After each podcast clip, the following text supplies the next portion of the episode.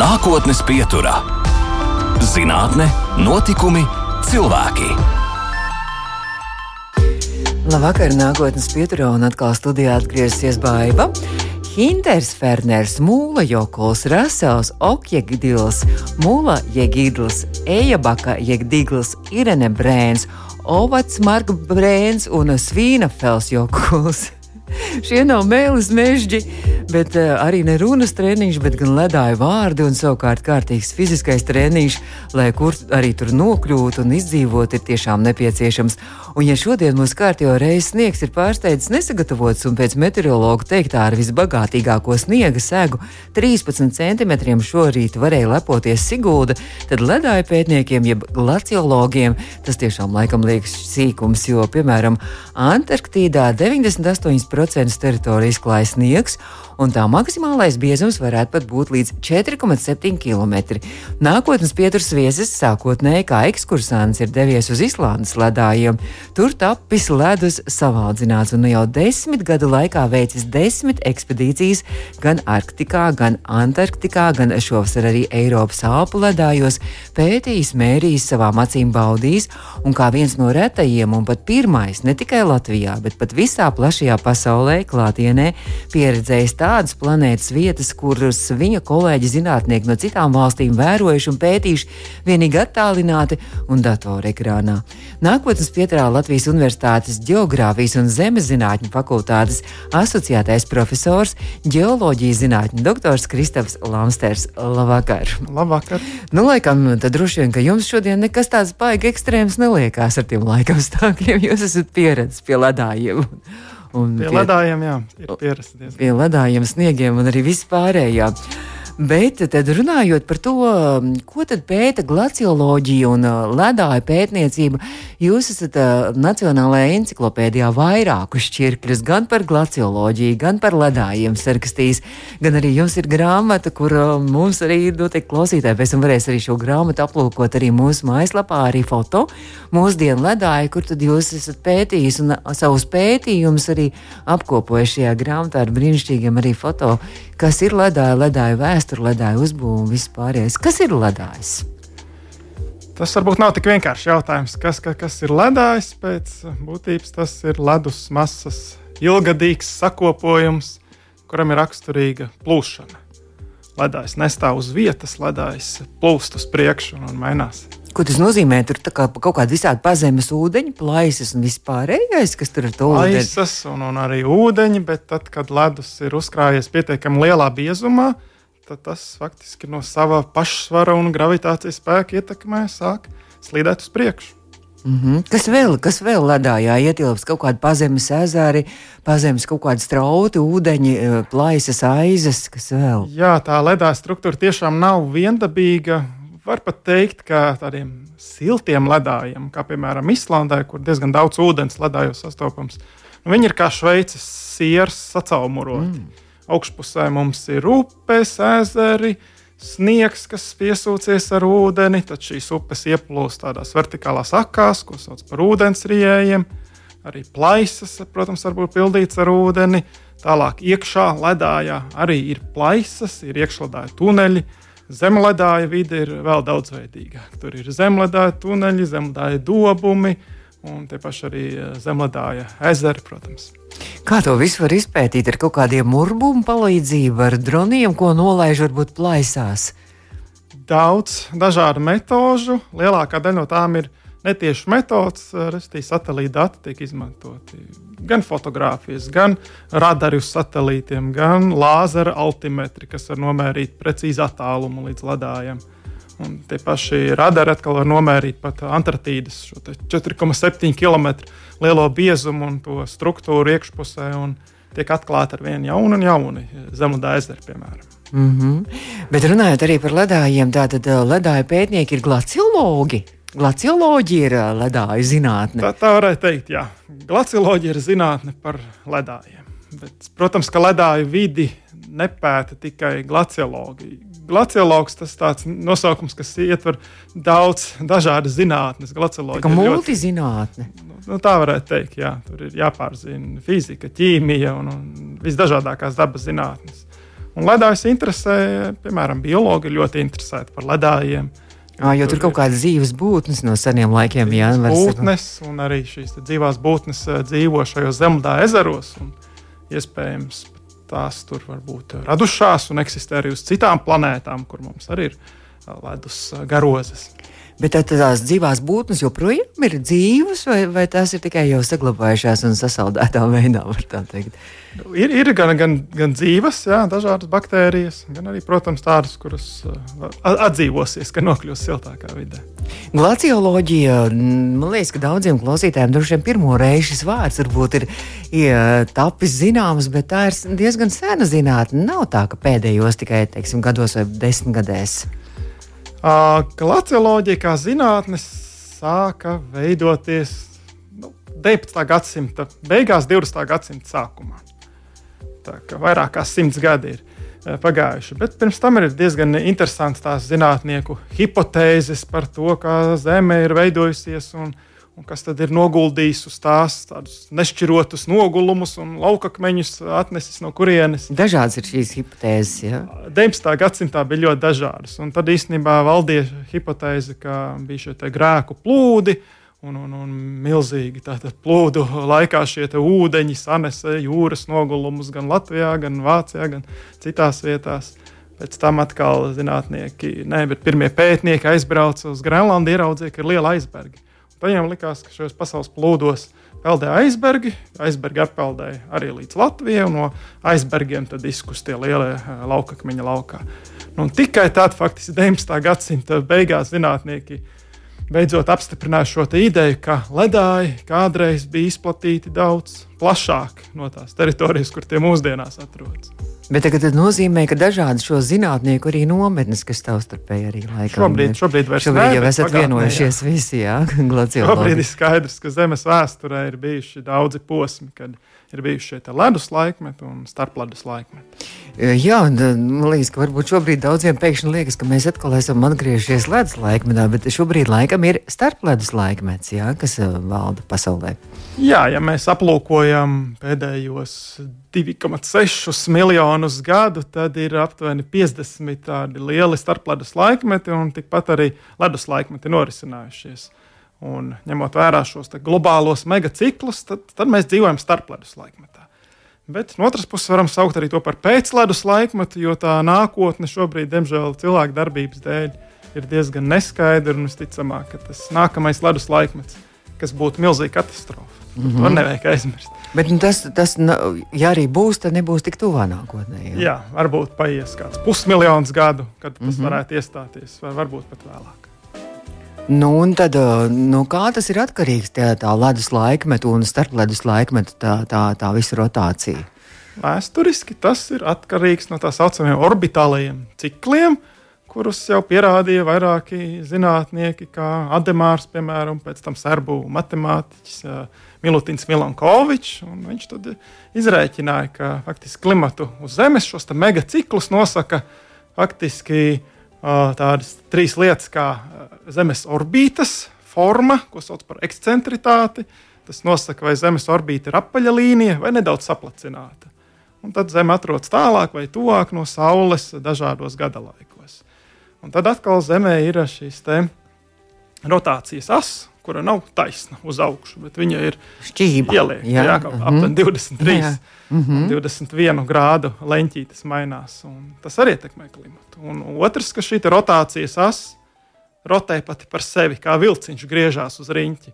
Un tad ir svarīgi, cik zeme ir tuvu saulē un kurā sezonā, kurš zemes vaigs ir pagriezts pret sauli. Mm -hmm. Šie globālie cikli arī līdz šim ir regulējuši ledus laikmetu, starpledus laikmetu. Un tas notiek daudzos tūkstošos gadu, tās, tās novirzes un tās asas. As, Jā, tur ir vairāk cikli. 100 tūkstoši mm -hmm. gadu, 42 tūkstoši gadu un 21 tūkstoši gadu cikls. Un tam visam kombinējoties, mēs uz Zemes noteiktā vietā, noteiktā la, laika periodā saņemam nu, noteiktu saules radiācijas daudzumu, kas arī nosaka klimatu. Jā, un tas nozīmē, ka arī dažādi šie kosmiskie arī cikli, jā, un saules enerģija, saules radiācija, vispārējais arī tas vēl ietekmē arī visu ledājumu. Daudz dažādi jā, faktori, kas tādas varbūt īslaicīgākas, straujākas vai pēkšņas klimata pārmaiņas var ietekmēt gan saules cikli, gan viss tas, kas norisinās uz Zemes saistībā ar okeānu, atmosfēras cirkulāciju. Un ik pa laikam, protams, kāds asteroīds ietriec uz Zemē, arī izmaina klimatu. Vulkānu izvirdumi ļoti spēcīgi ietekmē mm -hmm. klimatu. Tā kā īstenībā, ja mēs runājam pēdējā laikā par uh, globālo sasilšanu, par to mēs noteikti arī nedaudz vēlāk parunāsim, ka tas nav vienīgais iemesls, ka ir ļoti daudz no cilvēkiem, no mums pašiem, pat arī neatkarīgi tādi iemesli. Jā, jā kas rada to, to, to mhm. fonu. Mm -hmm. Protams, pēdējās divas desmitgades nu, tā ir tīri cilvēka antropogēnā ietekme uz klimata mm -hmm. izmaiņām. Tas ir neapšaubāms. Bet tas ir, tas ir salīdzinot ar šiem visiem objektīvajiem visiem faktoriem, tas, tas tā lielu lomu spēlē arī šī antropogēnā ietekme. Mūsdienās ļoti liela loma. Jā. Kad mums ir arī vairāk jau, vairāk jau par gā, vienu grādu mēs esam globāli šo temperatūru paaugstinājuši. Īpaši jau polārajos reģionos tas izpaužās. Vietām 3, 4 grādi jau temperatūra paaugstinājusies. Un tas ir pietiekami, lai liela daļa ledā jau izzustu tuvā nākotnē. Bet, ja mēs runājam par šo klimatu sasilšanu, tad uh, arī pagātnē ir bijuši tādi periodi, kad, kad uz Zemes ir bijis uh, daudz uh, karstāks. Karstāka vidējā temperatūra nekā šobrīd. Ne? Jā, ja mēs to geoloģisko vēsturi paskatāmies, tad uh, tiešām daudz dažādu katastrofisku notikumu ir norisinājies. Uz Zemes ir bijuši miljo, simtiem pat miljonu gadu ilgu periodu ar ar leduslaikmeta apstākļiem. Un atkal tieši pretēji, mm -hmm. kā jūs minējāt, ir bijis piemēram pirms 56 miljoniem gadu bija daudz karstāks uz Zemes, un ledāji nemaz neeksistē. Oh, tad, tas nozīmē, ka, ka ne tikai ledāji mirst un pazūd, bet uh, viņi arī no jauna arī joprojām arī dzimst. Ja? Jā, viņi rodas un izzūd. Es sākumā tos, tos jocīgos vārdus, mēģināju tos ledāju vārdus iemācīties un mēģināju noskaidrot, kā ledājiem tiek doti vārdi. Jā, tas ir sarežģīts jautājums.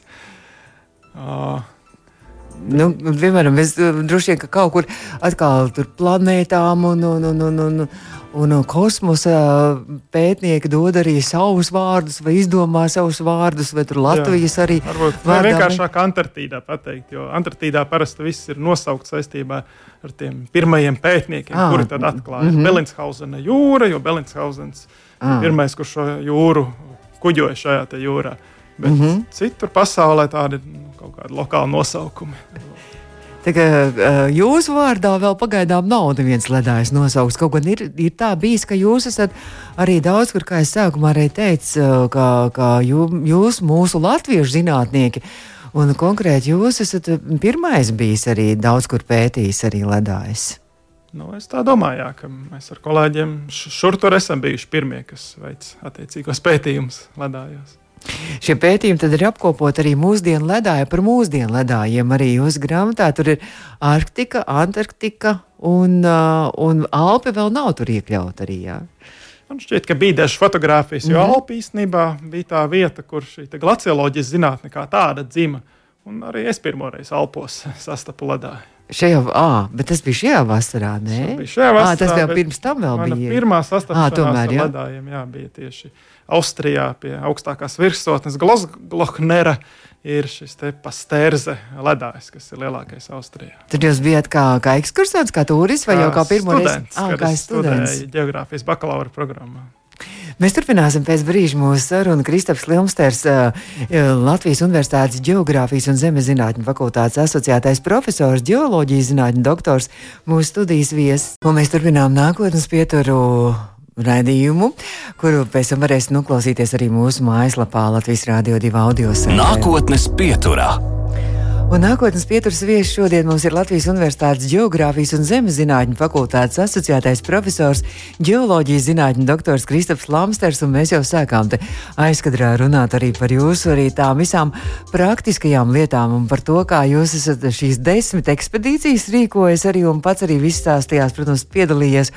Nu, tad pēdējā ekspedīcija bija vasarā šajā uz Alpu uz Alpu kalniem, uz Alpu ledājiem, bet nu, pirms tam bija arī visa Arktika, Antarktika.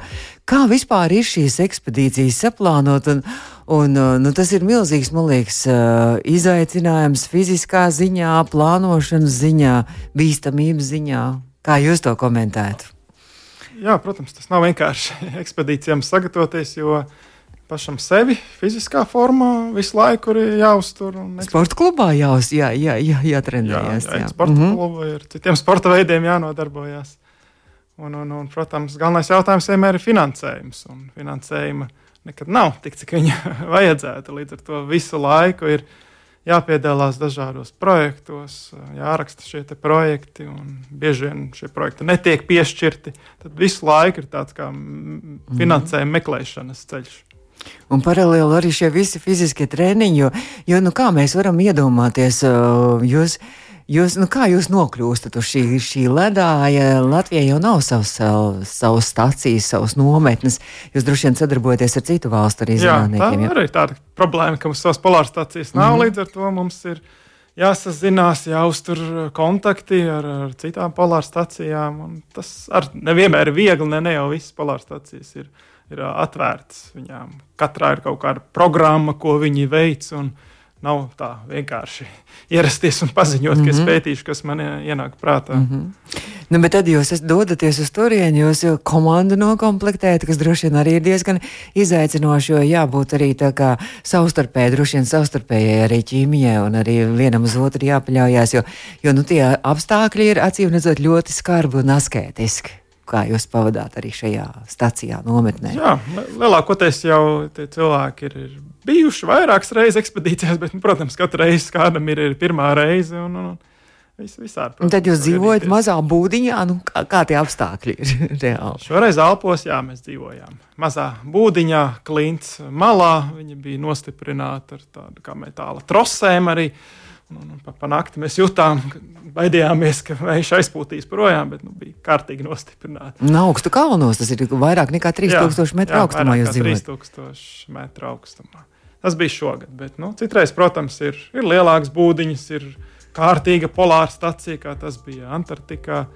Citreiz mēs nemaz nevaram dzīvot polāra stacijā. Mēs vienkārši visu sakrāmējam somās, ieskaitot ekipējumu. Un, tad dodamies dienu vai, garākā pārgājienā un dzīvojam teltīs, teltīs pie ledāja vai reizēm arī uz ledāja. Nu, tas nozīmē, ka, ka, ka jāstiepj arī viss līdzi. Arī tad, kad jūs arī dzīvojat kaut vai nu, šajos alpos, skatījos arī filmu, tas jūs katru dienu dodaties kāpjat lejā līdz ledājam. Ja? Jā, parasti par, par tā sanāk, ka ir jākāp uz augšu. Jo mm -hmm. polāra stācija atrodas kaut kur tuvāk jūras līmenim, un tad, tā, tā pirmā stunda parasti ir vismagākā. Ir jākāp kalnā 500, 600 metrus. Palētu, palētu vēl turklāt. Pa, nu, reizē pa klinti, jā, mm -hmm. nevienmēr pa ledu, pa ledu pēc tam. Šogad bija otrādi. Šogad mums bija jāripo lejā pa klinti, un tad jāpārvietojas pa ledāju. Un vakarā, kad mēs esam pārguruši, tad atkal jāuzkāp 300 augstu metri pa, pa klinti. Bet tas arī bīstamība, šie visi, kā mēs runājām, arī šie visi kaut kādi, tā, tas, tas ledājs arī plūst, un tur kaut kādi caurumi, un, un, un šie ūdens rijēji, un arī plaisas. Kā, kā jūs ar to visu tiekat, arī psiholoģiski, es droši vien ar bailes sajūtu gailā, un arī vispārējo, kā, kā, nu, tomēr drošība arī, par drošību arī jādomā. Par drošību domājam, jā, protams, izmantojam dzelkšņus, bez dzelkšņiem parasti nav iespējams pārvietoties un ņemam līdzi arī glābšanas sistēmu, lai vajadzības gadījumā varētu kādu izvilkt no šīs plaisas. Bet, eh, nu, manā gadījumā man nav tādu psiholoģisku barjeru, lai pārvietotos pa plaisām. Bet, eh, protams, citiem cilvēkiem ir grūti to izdarīt. Tad jūs nesat arī līdzi uz muguras visu šo smago aparatūru, ar kur jūs darat arī dažādas mērījumus. Jā, grūtākais, protams, ir līdz polāra stacijai aizgādāt visu. Jo, uh, Nu, lidmašīnās ir ierobežots svars, reizēm jābrauc ar, ar kuģi vai ar, ar laivu. Šogad, piemēram, teikt, mūsu helikopters nedaudz izglāba. Izdevās no paša rīta sarunāt, ka mūsu helikopters aizvedīs. Citādi mums būtu visa diena jākāp augšā ar 30, mm -hmm. 35 kg smagām somām. Jo pašiem jāuznes visa pārtika, arī visa, visam dzīvošanas laikam un viss pārējais. Jāuznes un visi atkritumi jānones. Arī to nedrīkst atstāt uz ledāju. Ne. Mm, mēs arī tikko skatījāmies, arī grāmatā, arī foto, ka jūs devāties uz Antarktiku, ka, ka, ka jūs ar kuģi tur devāties, kuģis apledoja. Jā, jahta apledoja. Jā. Devāmies mēs ar kuģi. Ir iespējams arī ar jahtām doties. Mm -hmm. kad, kad šo ekspedīciju organizējām, tad uh, sanāca, ka pašā pēdējā brīdī nācās meklēt šo, šo kuģi, jo bija, bija problēmas ar, ar Ukrāņu kuģi. Un, un, un jā, gal galā mēs tur aizbraucām ar kruīzu kuģi. Atpakaļ savukārt mēs teikt, nostopējām amerikāņu ledlauzi, kurš brauca no tojās amerikāņu stācijas. Tā, tā mierīgi ņēmāt un nostupējāt. Ja? Mierīgi, nē, bija diezgan sarežģīti sakontaktēties mm -hmm. no mhm. Antarktikas ar ārpasauli, bet uh, dažas dienas pirms ierašanās amerikāņi piekrita mūs uzņemt savā kuģī un aizvest atpakaļ. Citādi mēs nezinājām, kad un kā mēs nokļūsim no Antarktīdas atpakaļ. Jūs vācat tātad šos mērījumus, izdarat un dažādus arī nu, datus, acīm redzot, vācat. Ja? Lielākoties mēs tātad, jā, ievācam datus uz, uz vietas, veicot mērījumus ar dažādām iekārtām. Kā piemēram georadaru, mēs mērām ledus biezumu, ledus iekšējo struktūru, dronus izmantojam, lai veidotu ortofoto kartes, virsmas modeļus, un tad rekonstruētu, cik daudz ledus kūst, cik ātri tas plūst uz priekšu. Protams, mm -hmm. tas viss ir jāapstrādā diezgan ilgu laiku pēc tam. Tagad nu, noris arī pēc vasaras, arī ekspedīcijas droši vien tagad not, noris arī visu ziemu, tad datu apstrādes arī process. Datu apstrāde no vairākām ekspedīcijām un vēl. Turpinās. Arī ir tā, ka daļa no datiem reizēm ir no citiem zinātniekiem. Piemēram, Grenlandē nācās sadarboties ar kolēģiem no, no Japānas. Tad kaut kādu daļu dara viņi, kaut, kaut ko mēs. Mm -hmm. Austrijā arī ir nepieciešams papildu datus iegūt no, no austriešiem, kuri veic mērījumus uz vietas un to visu sakombinēt, un pēc tam vēl uzrakstīt zinātnisko publikāciju. Nu, tas aizņem daudz laika. Glaciologi ir tādi nu, tā pasaules, pasaules zinātnieki, var teikt, ka jūs esat kā viena komanda visā pasaulē. Ja? Nu, tā varētu teikt, jā, varbūt nav tik daudz, tik daudz to cilvēku, kas darbojas šajā jomā. Īpaši nav daudz to, kas dodas un ievāc reālus datus uz lauka. Kāpēc? Tāpēc, ka tas ir bīstami, tas ir ekstrēmi, tas ir traki. Jā dārgi arī, protams. Dārgi. Bet uh, Latvija izceļās šajā jomā. Latvijā mm, tas ir. Tas ir uh, kā nopelns jūs, tā kā jūs esat entuziasti, fanātiķi, un, un droši vien līdz ar to jūs arī daudz ko, daudz ko pārvarat. Jā, var teikt, ka Latvija izceļas tādēļ, ka runājot ar citiem zinātniekiem, viņi diezgan brīnās, ka mums katru gadu izdodas kaut kā iegūt šo finansējumu un saplānot ekspedīcijas un veikt pētījums. Tas nav tik vienkārši. Tas nav tik vienkārši pat, pat tiem, kuriem ir šīs polāras mm -hmm. stācijas. Bieži vien nauda ir tikai lai uzturētu polāru stāciju, nevis lai kaut kādas iekārtas iegādātos un veiktu mērījumus. Tas nozīmē, ka Latvija ir prestižs šajā jomā. Tāda nu, prestiža mēs esam. Esam iekārojuši. Bet runājot arī par šiem datiem, tātad ne tikai datus, jūs arī vācat arī dažādus paraugus. Jā, ir, ir protams, bijis, ka mēs atradām paraugus un tiek analizēti šie nogulumi vai, vai, vai augsnes, vai kolēģiem, biologiem, mikrobiologiem ir interese analizēt kādas baktērijas, vīrusus. Un reizēm arī mūsu ekspedīcijās ir devušies līdzi arī, piemēram, tie paši ķīmiķi, kuriem ir interese paskatīties, kā noturīgie piesārņotāji Arktikā ir nokļuvuši. Mm, bet tas arī nozīmē, ka, ka tas ir arī milzīgs, eh, liels organizatoriskais darbs, lai, lai to visu arī saplānot un arī samanģēt, arī, lai, lai to visu drīkstētu arī atvest atpakaļ arī uz Latviju. Jā, jā, protams, tā, tā mēs nevaram aizbraukt kā turisti un sabāzt kabatās akmeņus mm -hmm. un apbraukt atpakaļ. Viss, visas zinātniskās darbības, lidošana ar bezpilota gaisa kuģiem, paraugu vākšana, izvešana, tas viss ir jāsaskaņo, jāsaņem visur atļaujas. Tas prasa kādu laiku. Par Alpiem runājot, par šīs vasaras Alpu, liekas, ka tā mums liekas, ka tā nu, eksotiskāk un ekstrēmāk ir Arktika un Antarktika. Kas Alpos tika jauns atklāts un kāpēc devāties šoreiz tieši uz Alpu ledājiem? Var teikt, ka Alpu ledāji ir ir, ir eksotiski. Tādēļ, ka faktiski viņu dzīves mūžs turpmākais būs salīdzinoši īss. Mums ir jā, jāsteidz, var teikt, izbaudīt un, un izpētīt, kamēr šie ledāji vēl nav atkāpušies. Jo līdz gadsimta beigām nu, tās prognozes ir diezgan bēdīgas, ka liela daļa jau būs nokusuši. Tad pēdējais laiks, lai mēs mēģinātu saprast, kādi procesi ietekmē šo ledāju straujo izušanu un nu, iekšējās uzbūves izmaiņas.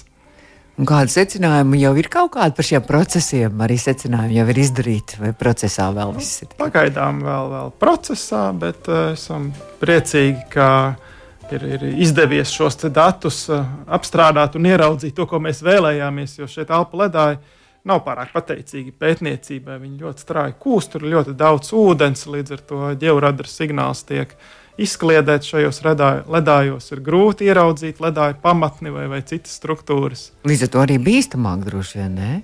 Nu, varbūt kā, kā kurā vietā, mm -hmm. protams. Bet, jā, nu, faktiski mēs būsim viena no, no pirmajiem, kuriem izdosies izveidot šim ledājam tādu trīsdimensionālu modeli, aprēķināt, cik precīzi tas ledus tilpums tur vēl ir palicis. Bet runājot arī par šo visu aparatūru, jums arī pirmo reizi laikam bija arī jauna izmēģinājuma aparatūra arī elpos. Ja? Jā, ik, ik pa laikam ir kāda jauna iekārta, kura ir jāizmēģina. Šoreiz mums bija jaunāks paudzes georadars. Un, uh, kopumā viss izdevās labi, bet kā jau katrā ekspedīcijā gadās ar iekārtām, kad tas mitrums, sniegs, lietus ir nedaudz par daudz. Un, un, parasti kaut kas arī mēdz saplīst. Tā arī mm -hmm. šīs ekspedīcijas eh, pašā beigās iekārta saplīs. Šādus tādus mērījumus neizdevās līdz galam. Mm -hmm. Bet arī žēl, ka tas nozīmē, ka var arī pazust arī šie jūsu ievāktie dati un mērījumi pētījumi.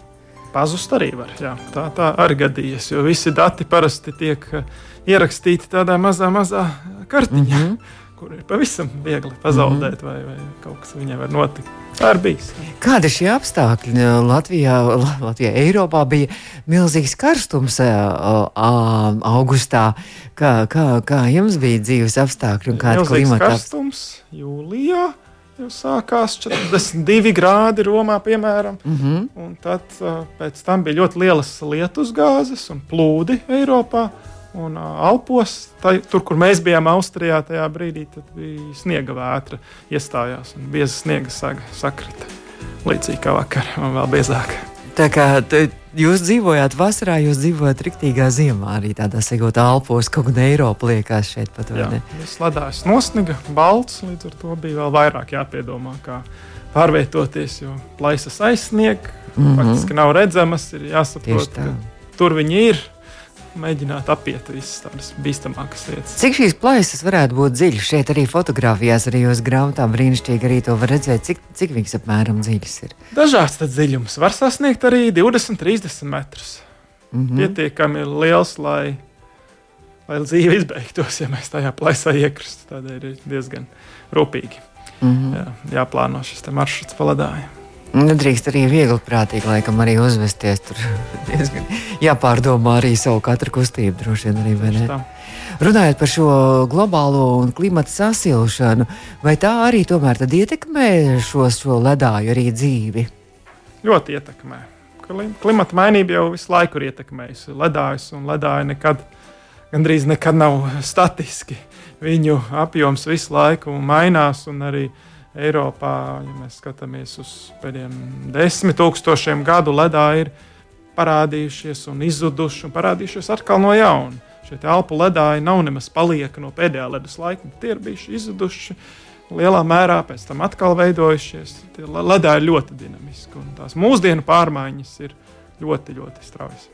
Mm, lai tā ir arī skaisti. Droši vien mēs vismaz fotografijās skatāmies, un tas liekas ārkārtīgi skaisti, romantiski. Un, un, un, un, un it kā pat nevis vienmuļi, bet krāsaini, kā ir uz vietas. Tur būt vairākas nedēļas, un pat um, Antarktikā laikam pusotru mēnesi jūs dzīvojat uz vietas. Jā, protams, uz, uz, viet, uz vietas lielākoties mums ir jādomā par, par šiem mērījumiem, par, par iekārtām, lai viss strādātu, lai, lai visu izdarītu. Līdz ar to tikai tā ik pa, ik pa brīdim paliek laiks izbaudīt šo ainavu. To skaistumu arī vispārējo. Jā, bet ledā ir diezgan krāsaini, īpaši tās ir plaisas. Tur var redzēt tādu zilo ledu, jo ledum ir atšķirīgs eh, gaisa šo burbuļu poru īpatsvars, kas tā krāsa mainās. Runājot par Latviju, Latvijā kādreiz arī ir bijuši ledāji. Faktiski pasaulē nav tādas vietas, kur ledāji nebūtu bijuši. Gan arī visa zeme ir bijusi pārklāta ar ledu pirms 600, 800 miljoniem gadu. Un Latvijā pat salīdzinoši nesen. pirms 20, 15 tūkstošiem gadu Latvija klāja ledāji, pat vairāk kā kilometru visticamāk bieza ledus saga. Līdz ar to tā visa Latvijas zemes virsma reliefs ir lielākoties tieši ledā ietekmē veidojies. Mm -hmm. vai, vai arī Latvijā ir kaut ko interesantu pētīt arī šī visu zemes virsmu, kā jūs tagad kādas nogulas arī, ko ledā ir atstājuši arī mums mantojumā? Jā, jo visu laiku ir dažādas jaunas tehnoloģijas un arvien uh, precīzāki dati ar augstāku izšķirtspēju. Tā arī, piemēram, par Latvijas reliefu ir pieejams jauns reliefu modelis. Un arī man ir izdevies atklāt tādas reliefu formas, kuras iepriekš nav bijušas vispār zināmas, bet izrādās, ka tādu ir ļoti daudz. Tās liecina, ka ledāji agrāk Latvijā ir plūduši ļoti ātri. Mm -hmm. Mēs turpināsim. Mūsu laiks arī ļoti ātri plūst šajā raidījumā, tikpat kā, kā ledāji. Mēs turpināsim pēc brīža, un Latvijas Universitātes Geogrāfijas un Zemes zinātņu fakultātes asociētais profesors, geoloģijas zinātņu doktors Kristaps Lāmsters šobrīd ir mūsu studijas viesis. Nākotnes pieturā - zinātne, notikumi, cilvēki. Un mēs turpinām sarunu ar glaciologu Kristapu Lamsteru. Un es gribēju jautāt arī par to nākotnē, kādas jums ir nākotnes plāni. Un gribēju arī jautāt par to, ka jūsu grāmatā arī ir mazliet arī pieskāries. Jūs esat arī ārpus mūsu planētas, arī ledājiem, kas, kas varētu būt arī kaut kur citur, uz citām planētām. Vai jums arī varbūt Jā, ir plānos? Tas ir ļoti interesanti, ka ledus iespējams ir viena no vissastopamākajām formām, biežāk varbūt par, par ūdeni izplatīts uz daudzām planētām. Un uz Marsa mums ir polāri segledāji, tropiskie ledāji, un ir dažas planētas un, un pavadoņi, kuras lielā mērā pat sastāv no ledus. Bet tas nozīmē, ka varbūt arī glaciologija vēl tur arī nākotnē jau ir arī darbības lauks. Varbūt, ka, ka jūs kādreiz arī kādā ekspedīcijā tur nonāksiet. Nākotnes misijās uz Marsa iespējams.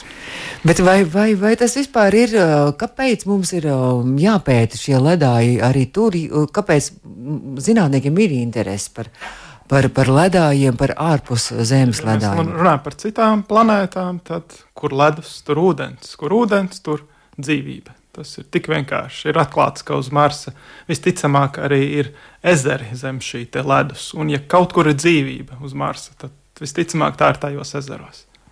Bet runājot par eh, jūsu no tādiem tuvākajiem plāniem, es novēlu noteikti no, nokļūt uz Marsa. Es nezinu, vai jūs esat tik ekstrēms, ka jums tur nu, tas arī vilinātu šāds, šāds ceļojums un ekspedīcija uz Marsu.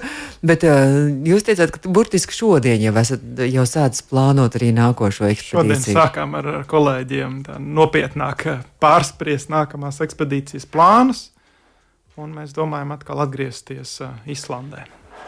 Un kāpēc?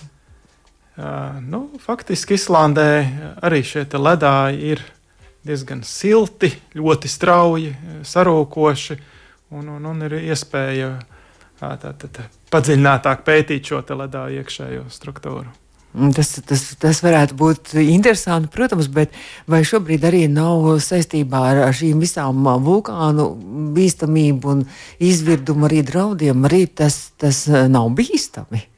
Tāds risks arī mm -hmm. pastāv. Jā, Islanda ir bīstama uh, vieta, jo šobrīd mēs zinām, ka uh, magma pieplūst diezgan tuvu zemes virspusē, zemes virskārta ceļas, un šī magma var izvirst rīt, viņa var mm -hmm. izvirst pēc uh, daudziem gadiem. Mēs īsti nezinām, kad tas notiks, jo daudz zinātnieku runā, ka Islandē ir atkal kārtējais vulkāniskais cikls sācies, kurš var ilgt daudzus simtus gadu kopumā un uh, diezgan nopietni ietekmēt arī tā skaitā Latviju. Mēs droši vien atceramies 2010. gadu, kad Eifjatlajokuls mm. izvirda un šie vulkāniskie pelni, jā. viņi parasti nāk tieši uz Eiropu no Islandes. Mm -hmm, bet jūs teicāt, ka mēs te aizkadrā vēl arī turpinājām sarunu. Jūs teicāt, ka par šīm zemestrīcēm, ka arī ledustrīces ir. Jā, ir arī ledustrīce, un visticamāk, arī kādreiz Latvijā ir bijuši ledustrīces. Mēs esam atklājuši noteiktas liecības nogulumos, kas par to liecina. Tās var būt dažādas. Tātad ledus var piesalt pie gultnes, un tad atkal atrauties un strauji slīdēt, un tas izraisa seismisku satricinājumu. Tāpat tās arī ledāja malas daļa var atrauties, veidojoties aizbergiem un, un, un izraisīt pat tādus nelielus nu, nesauksim tos par, par tsunami, bet mm -hmm. arī cilvēki var iet eh, bojā no šādiem viņiem. kā no glaciologa viedokļa, kur ir tomēr visi interesantākie šie pētniecības darbi, varbūt dzīves apstākļi vai visa tā dabas ainava un, un tā, tā pētniecība? Nu, kopumā droši vien tā būs Antarktīda, kas ir tāds vis tālākais, vismazāk skarstais un vismazāk izzinātais kontinents mm -hmm. uz mhm. Zemes. Ka, neskatoties arī uz to, ka jūs tur vienā ekspedīcijā pusotru mēnesi pavadījāt. Ja? dzīvojām diezgan ilgi kopā ar uh, Ukrāņu zinātniekiem. Mm. Vai šobrīd arī Ukrāņu zinātnieki joprojām turpina arī pētniecību, neskatoties uz to? Jā, un, un, un Ukrāņi pirms pāris uh, gadiem arī iegādājās uh, savu ledlauzi. Pirms tam viņiem nācās visu laiku īrēt kuģi. Tā kā šobrīd viņi var daudz vienkāršāk nokļūt uz savu polāru stāciju. Vai Latvijai ir kādreiz cerības arī, tad jūs teicāt, varētu būt arī Latvijai kādreiz polāra stācija? Nu, tas tāds sapnis. Jā, arī Latvijā ir gan spēcīgi zinātnieki, gan uzņēmēji, kuri attīsta dažādas inovatīvas tehnoloģijas. Pavisam noteikti Latvijai būtu jāvirzās uz to, lai Latvija būtu polāra stacija. Un tieši Antarktīdā, lai arī Latvija piedalītos globāli svarīgu jautājumu pētniecībā. Ko ledāja pētniecība mums dod, teiksim, nākotnes izzināšanā? Kāpēc tas ir nepieciešams? Vai tikai pagātni mēs pētām, vai arī nākotni? nu, kā mēs teiktu, pagātnē ir šī atslēga uz nākotni. Un tieši ledājos ir ieslēgta visdetālākā informācija par pagātnes, klimatu un vides mainību. Un tikai izprotot šos ciklus, kādi bija tie pagātnē, tikai tad mēs varam mēģināt paredzēt nākotnes izmaiņas. Man jāsaka liels paldies, ka jūs šodien atnācāt un atradāt laiku uh, Latvijas Rādio 2 klausītājiem un nākotnes pieturēja Kristaps Lamsters, mūsu viesas raidījums strauji tuvojas noslēgumam. Mums atliek vēl tikai viena mūzika. Neiznāca mums laika parunāt, bet droši vien varbūt kāds no mūsu klausītājiem ir bijis ar jums kopā purvu ekspedīcijās pirms daudziem gadiem, jā? Varbūt. Latvijā. Bet uh, to tad varbūt nākošais mēs arī vispārējo runāsim. Paldies! Un tad, lai tiešām daudz interesantu piedzīvojumu, lai izdodas arī visu arī realizēt, visus jūsu sapņus. Paldies! Izskan nākotnes pieturā.